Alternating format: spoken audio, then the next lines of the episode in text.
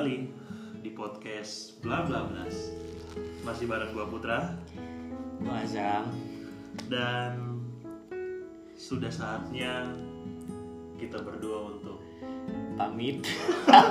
pamit undur diri. Enggak, enggak, enggak. Ini udah beberapa kali ya, ini udah kesekian kali kita berdua vakum ya lumayan. Ini yang kayaknya udah lumayan lama sih. Udah masuk dua bulanan kita udah nggak podcast lagi karena ya masing-masing udah disibukkan dan Tapi sebenarnya juga nggak sibuk sih. Ya males aja. Lagi malas aja lagi ya mungkin panas-panasnya udah mulai hilang ya sekarang udah Iya. hangat udah nggak panas lagi tapi, Tapi belum tenang basi. aja semangat kita berdua untuk berpodcast tetap harus on Mudah-mudahan. fire Mudah-mudahan. mudah-mudahan Insya Allah teman-teman semua bantu kita berdua untuk bisa mencairkan bantulah gitu Karena kita sahabat-sahabat koin ya. ya sahabat-sahabat koin dan bantu donasi Bantu donasi.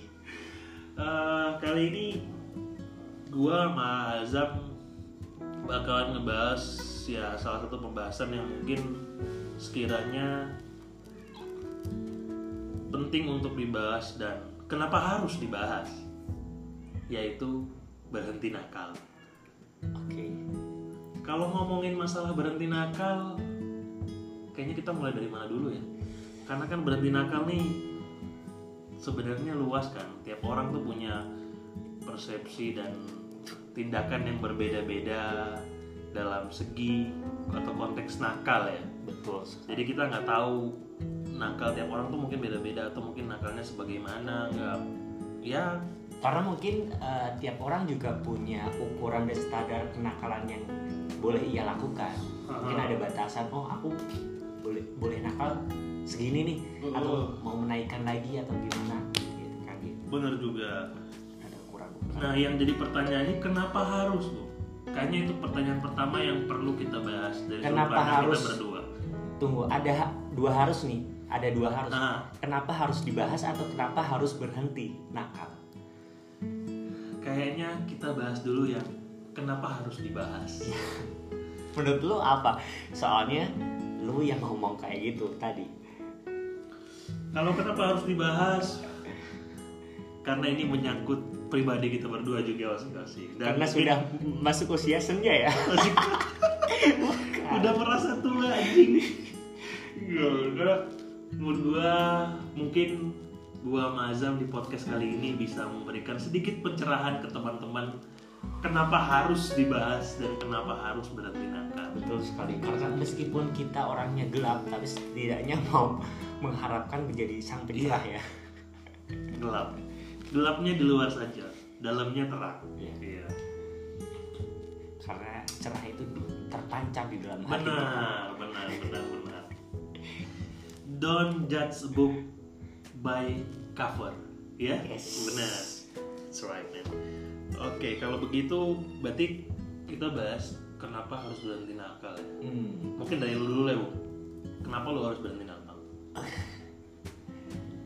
Oke ya. Jadi, Barangkali kita mu- mulai pembahasan ini maksudnya menjawab pertanyaan itu dari kita mem mempreteli pengertian dari nakal itu sendiri. dulu. Hmm, nakal. Ada kalau nakal secara umum misalnya nakal yang orang lain menganggap bahwa itu hal yang melanggar norma, Iya. hal yang melanggar ya ketidaketisan begitu. Mhm. Nah, misalnya apa ya?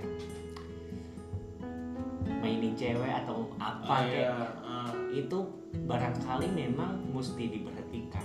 Iya. Diberhenti karena itu menyangkut menyakiti orang lain, benar. merugikan orang lain lah. Pada intinya itu harus diberhentikan. Tapi ada kenakalan-kenakalan yang yang apa ya istilahnya? Yang menurutku it- itu sebuah ke untuk memper- mengembangkan diri sebagai salah satu metode pengembangan diri sehingga tidak jangan atau tidak sebaiknya diber, di- berhenti nakal- Oke. nakal. Mungkin akan menjadi sebuah batu loncatan untuk masuk ke dalam fase yang lebih baik Ah, atau orang-orang me- menyebutnya bahwasanya semua itu kan ada proses semua itu ada jalannya sehingga apa pun itu bisa jadi manfaat bisa jadi jalan sehingga kita bisa mengambil apa namanya hikmahnya atau Iya. apa istilahnya begitu kan jadi mungkin bisa diambil kesimpulan bahwa menurut lu nakal itu penting penting untuk sebuah pengalaman yang proses Iya, proses jalan Kehidupan. kehidupan lah, benar-benar benar. Bener banget sih. Tapi ya namanya orang kan pasti beda-beda. ya Ada mungkin yang barangkali kita berdua menganggap hal itu nakal, mungkin ada di beberapa orang yang menganggap bahwa hal itu biasa saja buat mereka. Hmm. karena itu tadi tuh ada ukuran Iya. mereka punya ukuran ini menurutku nakal yang boleh aku toleransi dan aku boleh Hmm, lakukan benar, ada benar, benar. Ada ada yang berbeda ada yang apa menekan eh, porsi kenakalannya Iya sih, benar. Kalau masalah menekan, semuanya sebenarnya balik lagi ke pribadi masing-masing. ya. Gimana kita harus menekan biar kita masuk ke dalam fase yang harus berhenti nakal. Untuk bagaimana mungkin kita masuk ke dalam proses atau fase hijrah, ya. Tapi kalau ngomongin kita balik lagi kenapa harus berhenti nakal ya? Karena sebenarnya masalah berhenti nakal ini kan kalau menurut gue ya mungkin kita bisa ambil mungkin nggak ada standarnya atau mungkin menurut gue pribadi eh, sama halnya ketika orang ditanya kapan lo harus nikah? Mungkin nggak ada standar umurnya. Iya. Dan kapan lo harus berhenti nakal tuh mungkin nggak ada standar eh, lu umur begini harus sudah berhenti nakal. Ah, nggak ada standarnya. Nah, dan menurut gue ya semua balik lagi ke pribadi masing-masing kapan lo mau berhenti dan ya mungkin lo udah merasa saatnya untuk berhenti ya semua terserah pribadi masing-masing. Yang pasti sekiranya udah merasa puas dan udah merasa benar-benar untuk masuk ke dalam fase hijrah. Karena ya namanya manusia pasti ada sifat pelin-pelan dan ya mungkin saat ini mencoba untuk berhenti nakal tapi besok akhirnya nakal lagi. Karena mungkin merasa ada yang kurang dan ya namanya manusia pasti ada masa tergodanya. Kalau menurutmu nih nah nakal itu punya derivasi atau misalnya apa ya maksudnya? Ada pembagian bukan pembagian ya ada macam-macamnya nggak sih? Ada jenis nakal yang jadi ada banyak jenisnya nggak sih nakal gitu? Kalau masalah ngomongin jenis kalau dari sudut pandang gue ya gue mungkin bakalan ngebagi sebenarnya susah sih bung. Kita ngebagi eh, nakal tuh apa ada nakal tahap satu tahap dua apa karena ya tiap orang kan pasti beda-beda kan. Ah, cuman mungkin dari gua pribadi senakal-nakal yang hal yang pernah gua lakuin nih. Ya mungkin ya udah sudah cukup untuk durhaka sama orang tua. Oh. Atau mungkin ya sudah saatnya untuk ya kayaknya gua harus mengindahkan kata-kata orang tua gitu ya. benar itu mungkin gua udah ya. Kalau dari lu sendiri gimana bu? Mungkin lu punya standar atau punya level tahap yang lu nakal yang paling awal dan akhir itu apa sih? tidak secara rinci aku nggak nggak Nggak punya ya? tidak secara rinci tapi Tapi ya menurut lu sendiri punya nggak hal nakal yang menurut lu tuh paling nakal dan kayaknya lu akhirnya mencoba untuk ya udah gua harus berhenti saat ini juga. hmm, Apa yang nih? paling nakal ya apa ya belum kepikir ya Apa nih? soalnya aku orangnya baik kan Ah, orangnya Bentar. orangnya lugu Udah orangnya lugu Jadi lu gua bahasa. lugu-lugu soft boy. Oh, so, wah itu soal kalau ngomongin soft ini sebenarnya kalau nakal mungkin di ngomongin bahasanya tuh bisa ke artian ke bad kan. Tapi kalau soft ini sebenarnya bisa dalam dua artian nih. Bisa arti lembut bisa arti lebih nakal lagi daripada bad kan. Yes. Tergantung konteks apa yang kita bicarain sebenarnya. Hmm. tapi kira-kira lu punya nggak hal nakal yang paling lu rasa itu gue udah masuk ke tahap yang gue rasa hal yang gue lakuin saat itu atau mungkin saat ini udah nakal banget sih. Dan udah mungkin gak terkontrol apa tuh. Apa ya? Dulu dulu deh kayaknya aku belum kepikir apa ya kayaknya dalam wak- dalam akhir-akhir ini atau dalam waktu terakhir ini saya merasa belum melakukan hal nakal sih yang paling buruk yang paling kalau masalah ngomongin nakal ya karena memang nggak ada standarnya kan. Dari gue pribadi sebenarnya gue merasa sa- mungkin sudah saatnya untuk gue sekarang eh, lebih membenah diri dan untuk lebih fokus kepada diri gue sendiri. Dan gue untuk ya bukan berarti gue untuk mengurangi eh, apa ya circle nakal gua di luar enggak. Karena seperti yang lo bilang tadi mungkin itu bisa jadi sebuah batu loncatan mungkin mungkin jadi sebuah batu apa ya batu aki kan atau mungkin sebuah jadi pengalaman kan. Di mana lo kalau lo nggak nakal mungkin lo nggak bakalan tahu dan mungkin lo nggak bakalan sadar gitu kalau lo karena setiap orang menurut gua nggak ada yang terlahir dalam kondisi yang betul sekali. baik pasti akan ada masanya ketika dia mau masuk ke dalam fase untuk belajar nakal dan Hmm. akhirnya ya udah gua ya seperti contoh mungkin saat ini gua eh, sempat terpikir untuk ya kayaknya gua harus lebih fokus ke diri gua sendiri dan lebih eh, membenah diri gua untuk lebih fokus ke tujuan masa depan gua dan tujuan ah, tujuan akhir gua gimana gua harus lebih eh, terarah lah masa depan gua ke mana dan nggak harus gini-gini aja gitu. Iya iya. Ngomongin soal itu, Hmm. aku jadi keinget eh, bahwa aku menyadari kalau aku itu sebenarnya telat untuk melakukan hal-hal nakal. Jadi ter- kenakalanku itu telat. Pada awalnya aku tak, aku itu orang yang apa ya, yang lurus-lurus yang Hmm, bangsat. itu lurusnya. Jadi karena logonya logonya itu berakhir bukan uh, yang istilahnya begitulah jadi kemudian ketemu hal-hal nakal Mhm.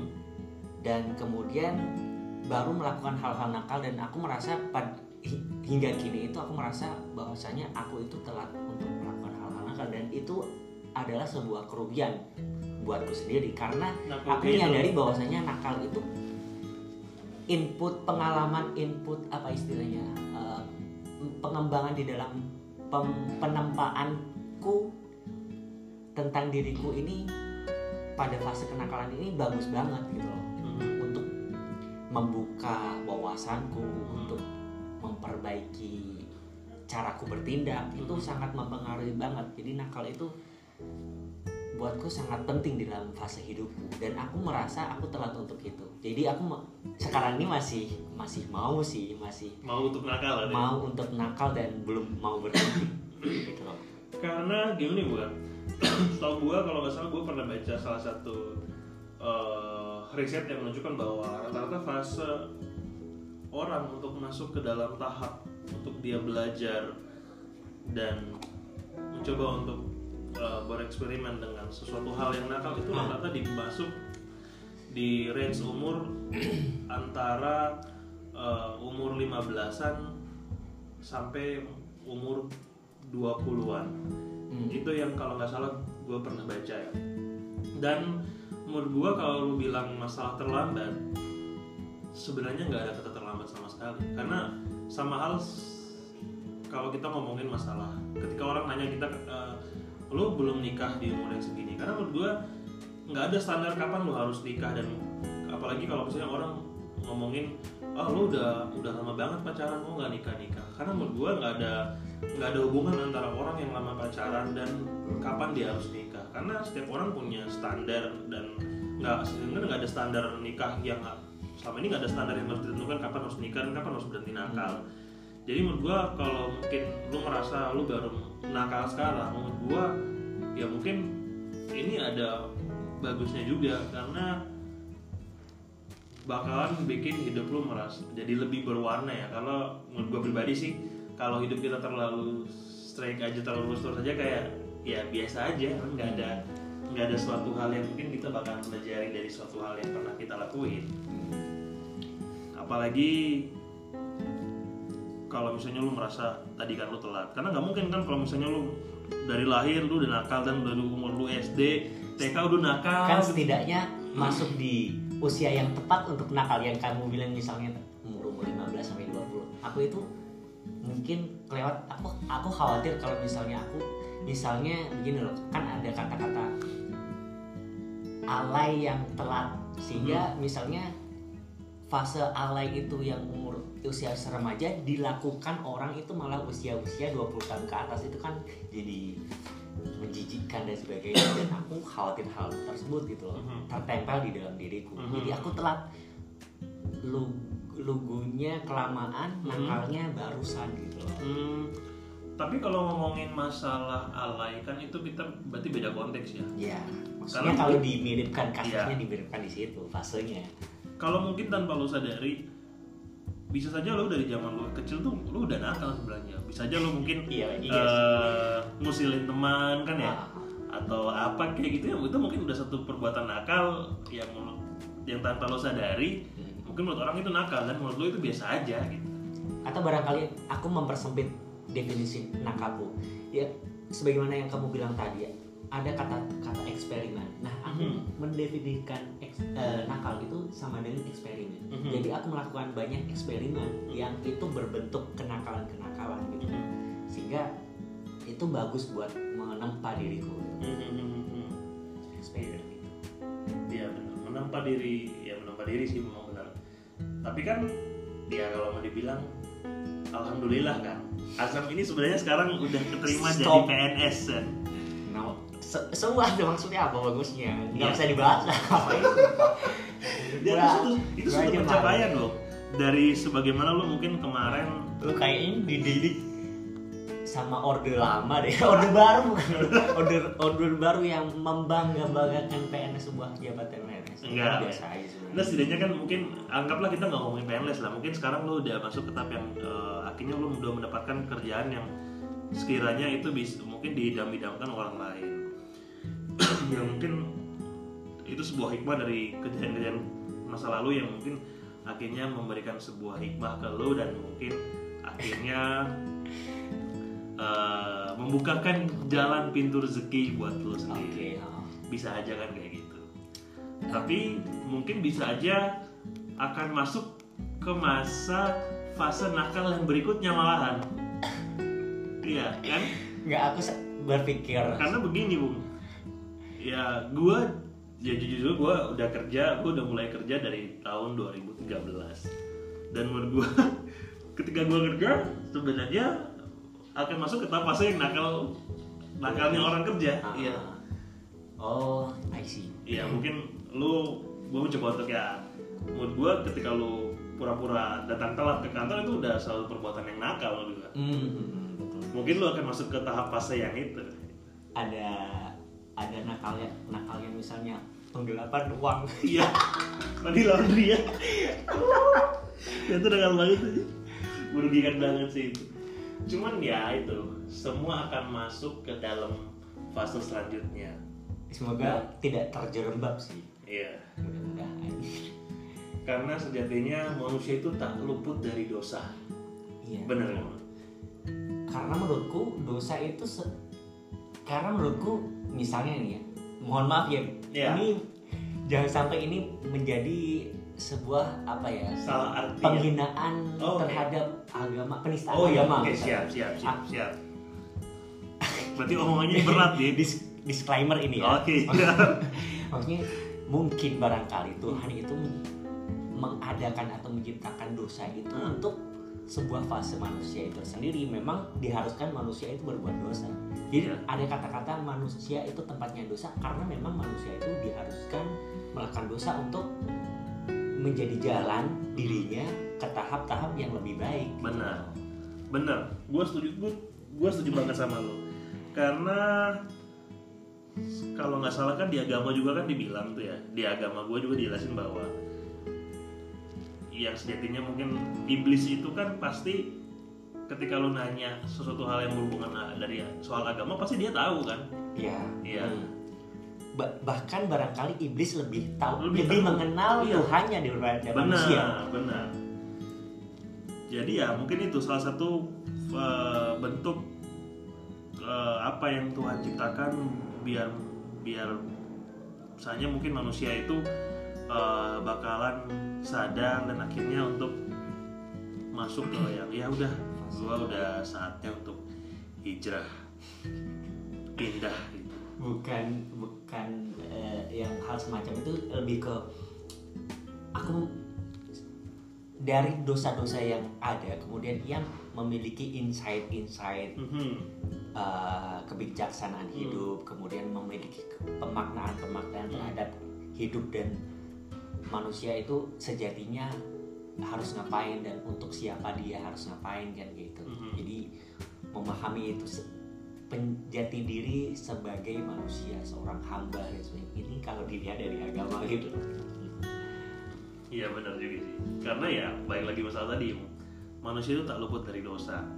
Dan yang pasti kalau mungkin saya penganut paham kalau dosanya manusia ya murni atau paling eh, gini ya hmm, dosa itu dilakukan murni atas hawa nafsu manusia soal peran soal iblis atau setan itu cuma berperan bisik-bisik saja Hmm. bukan salahnya 100% bukan Salah salahnya setan iya, iya. iblis kita Oke. kita itu sering tidak adil terhadap iblis atau Iya, setan kita, kita sering menyalahkan iblis gue dapat bisikan setan nih anjing gitu. Padahal setannya kita. setuju sih itu Padahal Dari setannya lama. kita itu. Hmm, itu sebenarnya kan hawa nafsu kita sendiri Iya, benar. itu cuman peran setan cu- memang diciptakan barangkali ini bukan penistaan agama lagi ya Iya. menurutku Iya, iya. menurutku iblis dan sebagaimana dosa tadi iblis dan setan memang sengaja diciptakan untuk Iya menggoda manusia ah, penggoda agar manusia nantinya bisa terfilter. Hmm. Iya, yang mana benar-benar sejatinya uh, ini ya bisa masuk dan dia enggak. Yes. gitu. Nah, begitu Karena hidup tanpa tantangan itu nggak keren. jadi lem- kalau lempeng-lempeng Lempeng aja, aja, kan nggak iya, asik nggak nggak- asik. nggak ada warna Nggak ada warna, terus lu bahkan hitam mulus. itu adalah sebuah warna Iya, benar bu. iya Karena sejatinya tuh nggak ada yang pure. Semua itu ada warna. Nggak ada yang sejatinya oh ini nggak ada warna. Hitam pun itu sebuah warna. Meskipun, ya meskipun hitam atau bahkan nggak jelas abu-abu itu warna Itu sebuah warna. dan itu akan mewarnai kehidupan seseorang benar. nanti ada ketemu hijau ada ketemu Iya. ini Heeh. jadi bagaimana kita mengenal hijau kalau kita tidak mengenal warna-warna lain Iya, benar, ya. hitam baru Iya. abu-abu dan sebagainya kan gitu Gimana kita harus mengenal hijau kalau kita nggak kenal merah kuning? Nah, Iya. Gi- gimana kita akan menemukan kebaikan kalau kita tidak tahu keburukan Benar, ah yang kita lakukan selama ini adalah benar. hal itu gitu. Di mana kita bagaimana kita dia tidak akan menemukan apa kebaikan Ah, kalau Kalau kita tidak mengenal dulu keburukan. gitu. jadi memang betul Tuhan itu menciptakan dua hal yang memang saling berwarna Iya. berwarna ada buruk ada baik Hmm. ada Dan sebenarnya itu bukan saling yang bertolakan, sebenarnya balance balance aja. Iya, siap. Tinggal bagaimana kita menanggapinya dan ya bagaimana kita mencoba untuk menjalaninya. Karena seperti yang teman gua pernah bilang bahwa kalau lo nggak bisa mewarnai hidup orang lain, setidaknya lo jangan pernah merusak warna orang itu. Hmm, itu dia. Dia masalah warna hitam dan putih, apa pun itu itu warna. Gue nggak bisa ngomong apa-apa lagi. Aduh, gimana? Sebenarnya bingung juga sih. Masalah masalah berhenti nakal dan kapan harus dan kenapa harus semua kita balikan lagi ke pribadi masing-masing. Gimana teman-teman bisa menanggapinya dengan baik? Gimana teman-teman bisa mengambil hikmahnya? Yang pasti menurut gua dan menurut Azam juga nakal itu penting dan harus ada sentuhan nakal. Hmm. Tapi dalam catatan nakal yang eksperimen sih kalau Iya. aku, aku catatannya begitu. Nakal yang eh, dalam dalam bentuk-bentuk eksperimen yang itu akan membuatmu sebagai salah satu penempaan diri. Dan jangan pernah melakukan sebuah hal yang menurut lo itu di luar batas kemampuan lo. itu salah satu saran dari gua sih. Dari gua pribadi ya. Karena menurut gua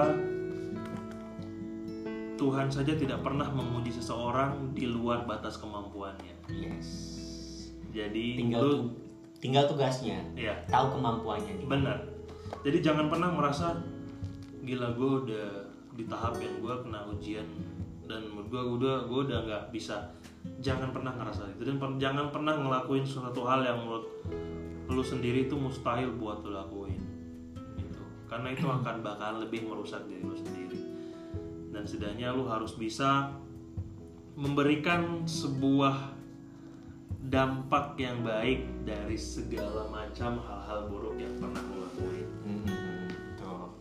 karena masalah kapan dan masalah kenapa harus itu semua balik ke pribadi masing-masing Iya. itu kalau kata Mario Teguh Menurut, kalau menurutku berarti jangan pernah berhenti nakal sih. Tapi dalam dalam dalam catatan itu jangan terlalu merugikan orang lain saja gitu. Paling tidak kamu usil lah. iya Jangan. Jadi jangan berhenti nakal berhenti usil. Jadi setidaknya itu masih masih akan bermanfaat buat dirimu sendiri. Berhenti nakal kalau buat atau mungkin bisa jadi juga kita mengganti konteks kata nakal dengan jangan pernah berhenti untuk belajar lah. Iya. Karena nakal juga bisa belajar. Iya siap. belajar nakal. Mm, ya Benar sih. Aku Jangan pernah nakal seperti itu. belajar. Jangan pernah berhenti belajar. Hmm. karena belajar gak ada matinya. Bahkan dari Dan- pengalaman apa pun kita bisa belajar yang namanya belajar itu kan melakukan eksperimen dan Yes. eksperimen itu kan banyak, banyak hal hal yang ya akan dilakukan kalau kita takut ah takut ah jadi misalnya takut berbuat nakal takut melanggar norma ya gimana mau menemukan hal baru dan ilmu baru kan kayak Hmm. gitu Hmm. namanya belajar namanya eksperimen kan gitu. dan harus lebih membuka wawasan yang lebih luas menurut Hmm. gua Gitu. jangan terlalu tertutup dengan stigma-stigma yang gak jelas atau mungkin lu terlalu terdoktrin dengan suatu hal yang menurut lu tuh ini eh, terlalu naif banget untuk di ya mungkin salah satu contoh pembahasan yang masalah-masalah tabu mungkin masalah seks. Ya. Ya. Jangan pernah menutup diri untuk membahas masalah seks karena zaman sekarang sex education tuh penting banget. Sebenarnya dan menurut gua salah satu contoh kecil sex education itu adalah kondom men. mm-mm, benar. Bener itu salah satu sex education. Tapi ya semua balik lagi ke pribadi masing-masing. Mau coba mau enggak ya. Ya siap. Intinya jangan pernah berhenti belajar. Ya dan kita juga tidak tidak apa ya istilahnya tidak memberikan legitimasi atau mengesahkan bahwasanya ka- kalian itu harus nakal misalnya enggak enggak seperti itu ini, Hmm. ini menurut kita dan bukan berarti eh, jalan-jalan yang lurus jalan-jalan baik itu tidak tidak bisa menemukan banyak hal tidak bisa menemukan hikmah-hikmah dan dan sebagainya. Bu- bukan berarti seperti itu. Jadi bisa aja orang yang lempeng-lempeng aja orang yang lurus-lurus aja bisa menemukan banyak hal juga. Tapi ya nggak apa-apa itu karena kalau pilihanmu seperti itu ya ya oke buatmu dan ini pilihanku jalanku seperti ini melakukan hal apa itu juga pilihanku dan kan masing-masing aja kayak gitu. iya jalanku jalanmu jalanmu bukan untukku. Yang pastinya nggak ada kata tua untuk belajar iya. Nggak ada kata tua untuk nakal. Karena tua-tua keladi. Aduh aduh bukan. Bukan. kelabing. Tua-tua kelabing ya? Kan anjing. Bener kan? Tua-tua kelabing muda-muda apa dong muda muda-muda berbahaya gitu. Berarti itu memang nggak ada berhenti nakal tuh muda-muda berbahaya tua-tua kelabing kan. Aduh. Ya, kayaknya mungkin itu cukup sih memberikan sebuah pencerahan malam ini dari podcast bla bla blas yang udah dua bulan vakum karena MC-nya disibukkan dengan berbagai kesibukan yang padahal sebenarnya cuma sok sibuk aja men. Jadi selama dua bulan itu kita menempa diri, iya kita menempa diri. Mengambil jenak sejenak Jenak, jenak. untuk untuk bagaimana sebenarnya apa yang sebenarnya kita sebenarnya lebih ke ikhtiar. Ikhtiar ekonomi. ikhtiar ekonomi ikhtiar ekonomi menghemat kuota ya. Iya, gimana ya ikhtiar mencoba untuk membenah diri. Dan ya alhamdulillah. Sebenarnya nggak ada perubahan sama-sama aja sih. Ya mudah-mudahan Paling tidak kita kan sudah berusaha bikin ikhtiar kan. Hmm, hmm, hmm. mudah-mudahan ini bisa jadi podcast penutup di akhir tahun Banget, ini 2020. masih November, kamu mau Desember nggak mau lagi? ada lagi insya Allah ada lagi Mau menjadi penutup oh ya tahun ini. oh ya Gimana benar benar podcast menjelang akhir tahun Yes. Iya. Boleh. lah gitu lah oke lah selamat beraktivitas teman-teman semua Jangan tetap lupa. sehat jangan lupa cuci 3 m hmm.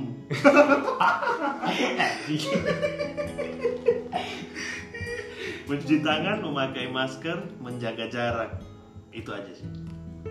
Hmm. Mm.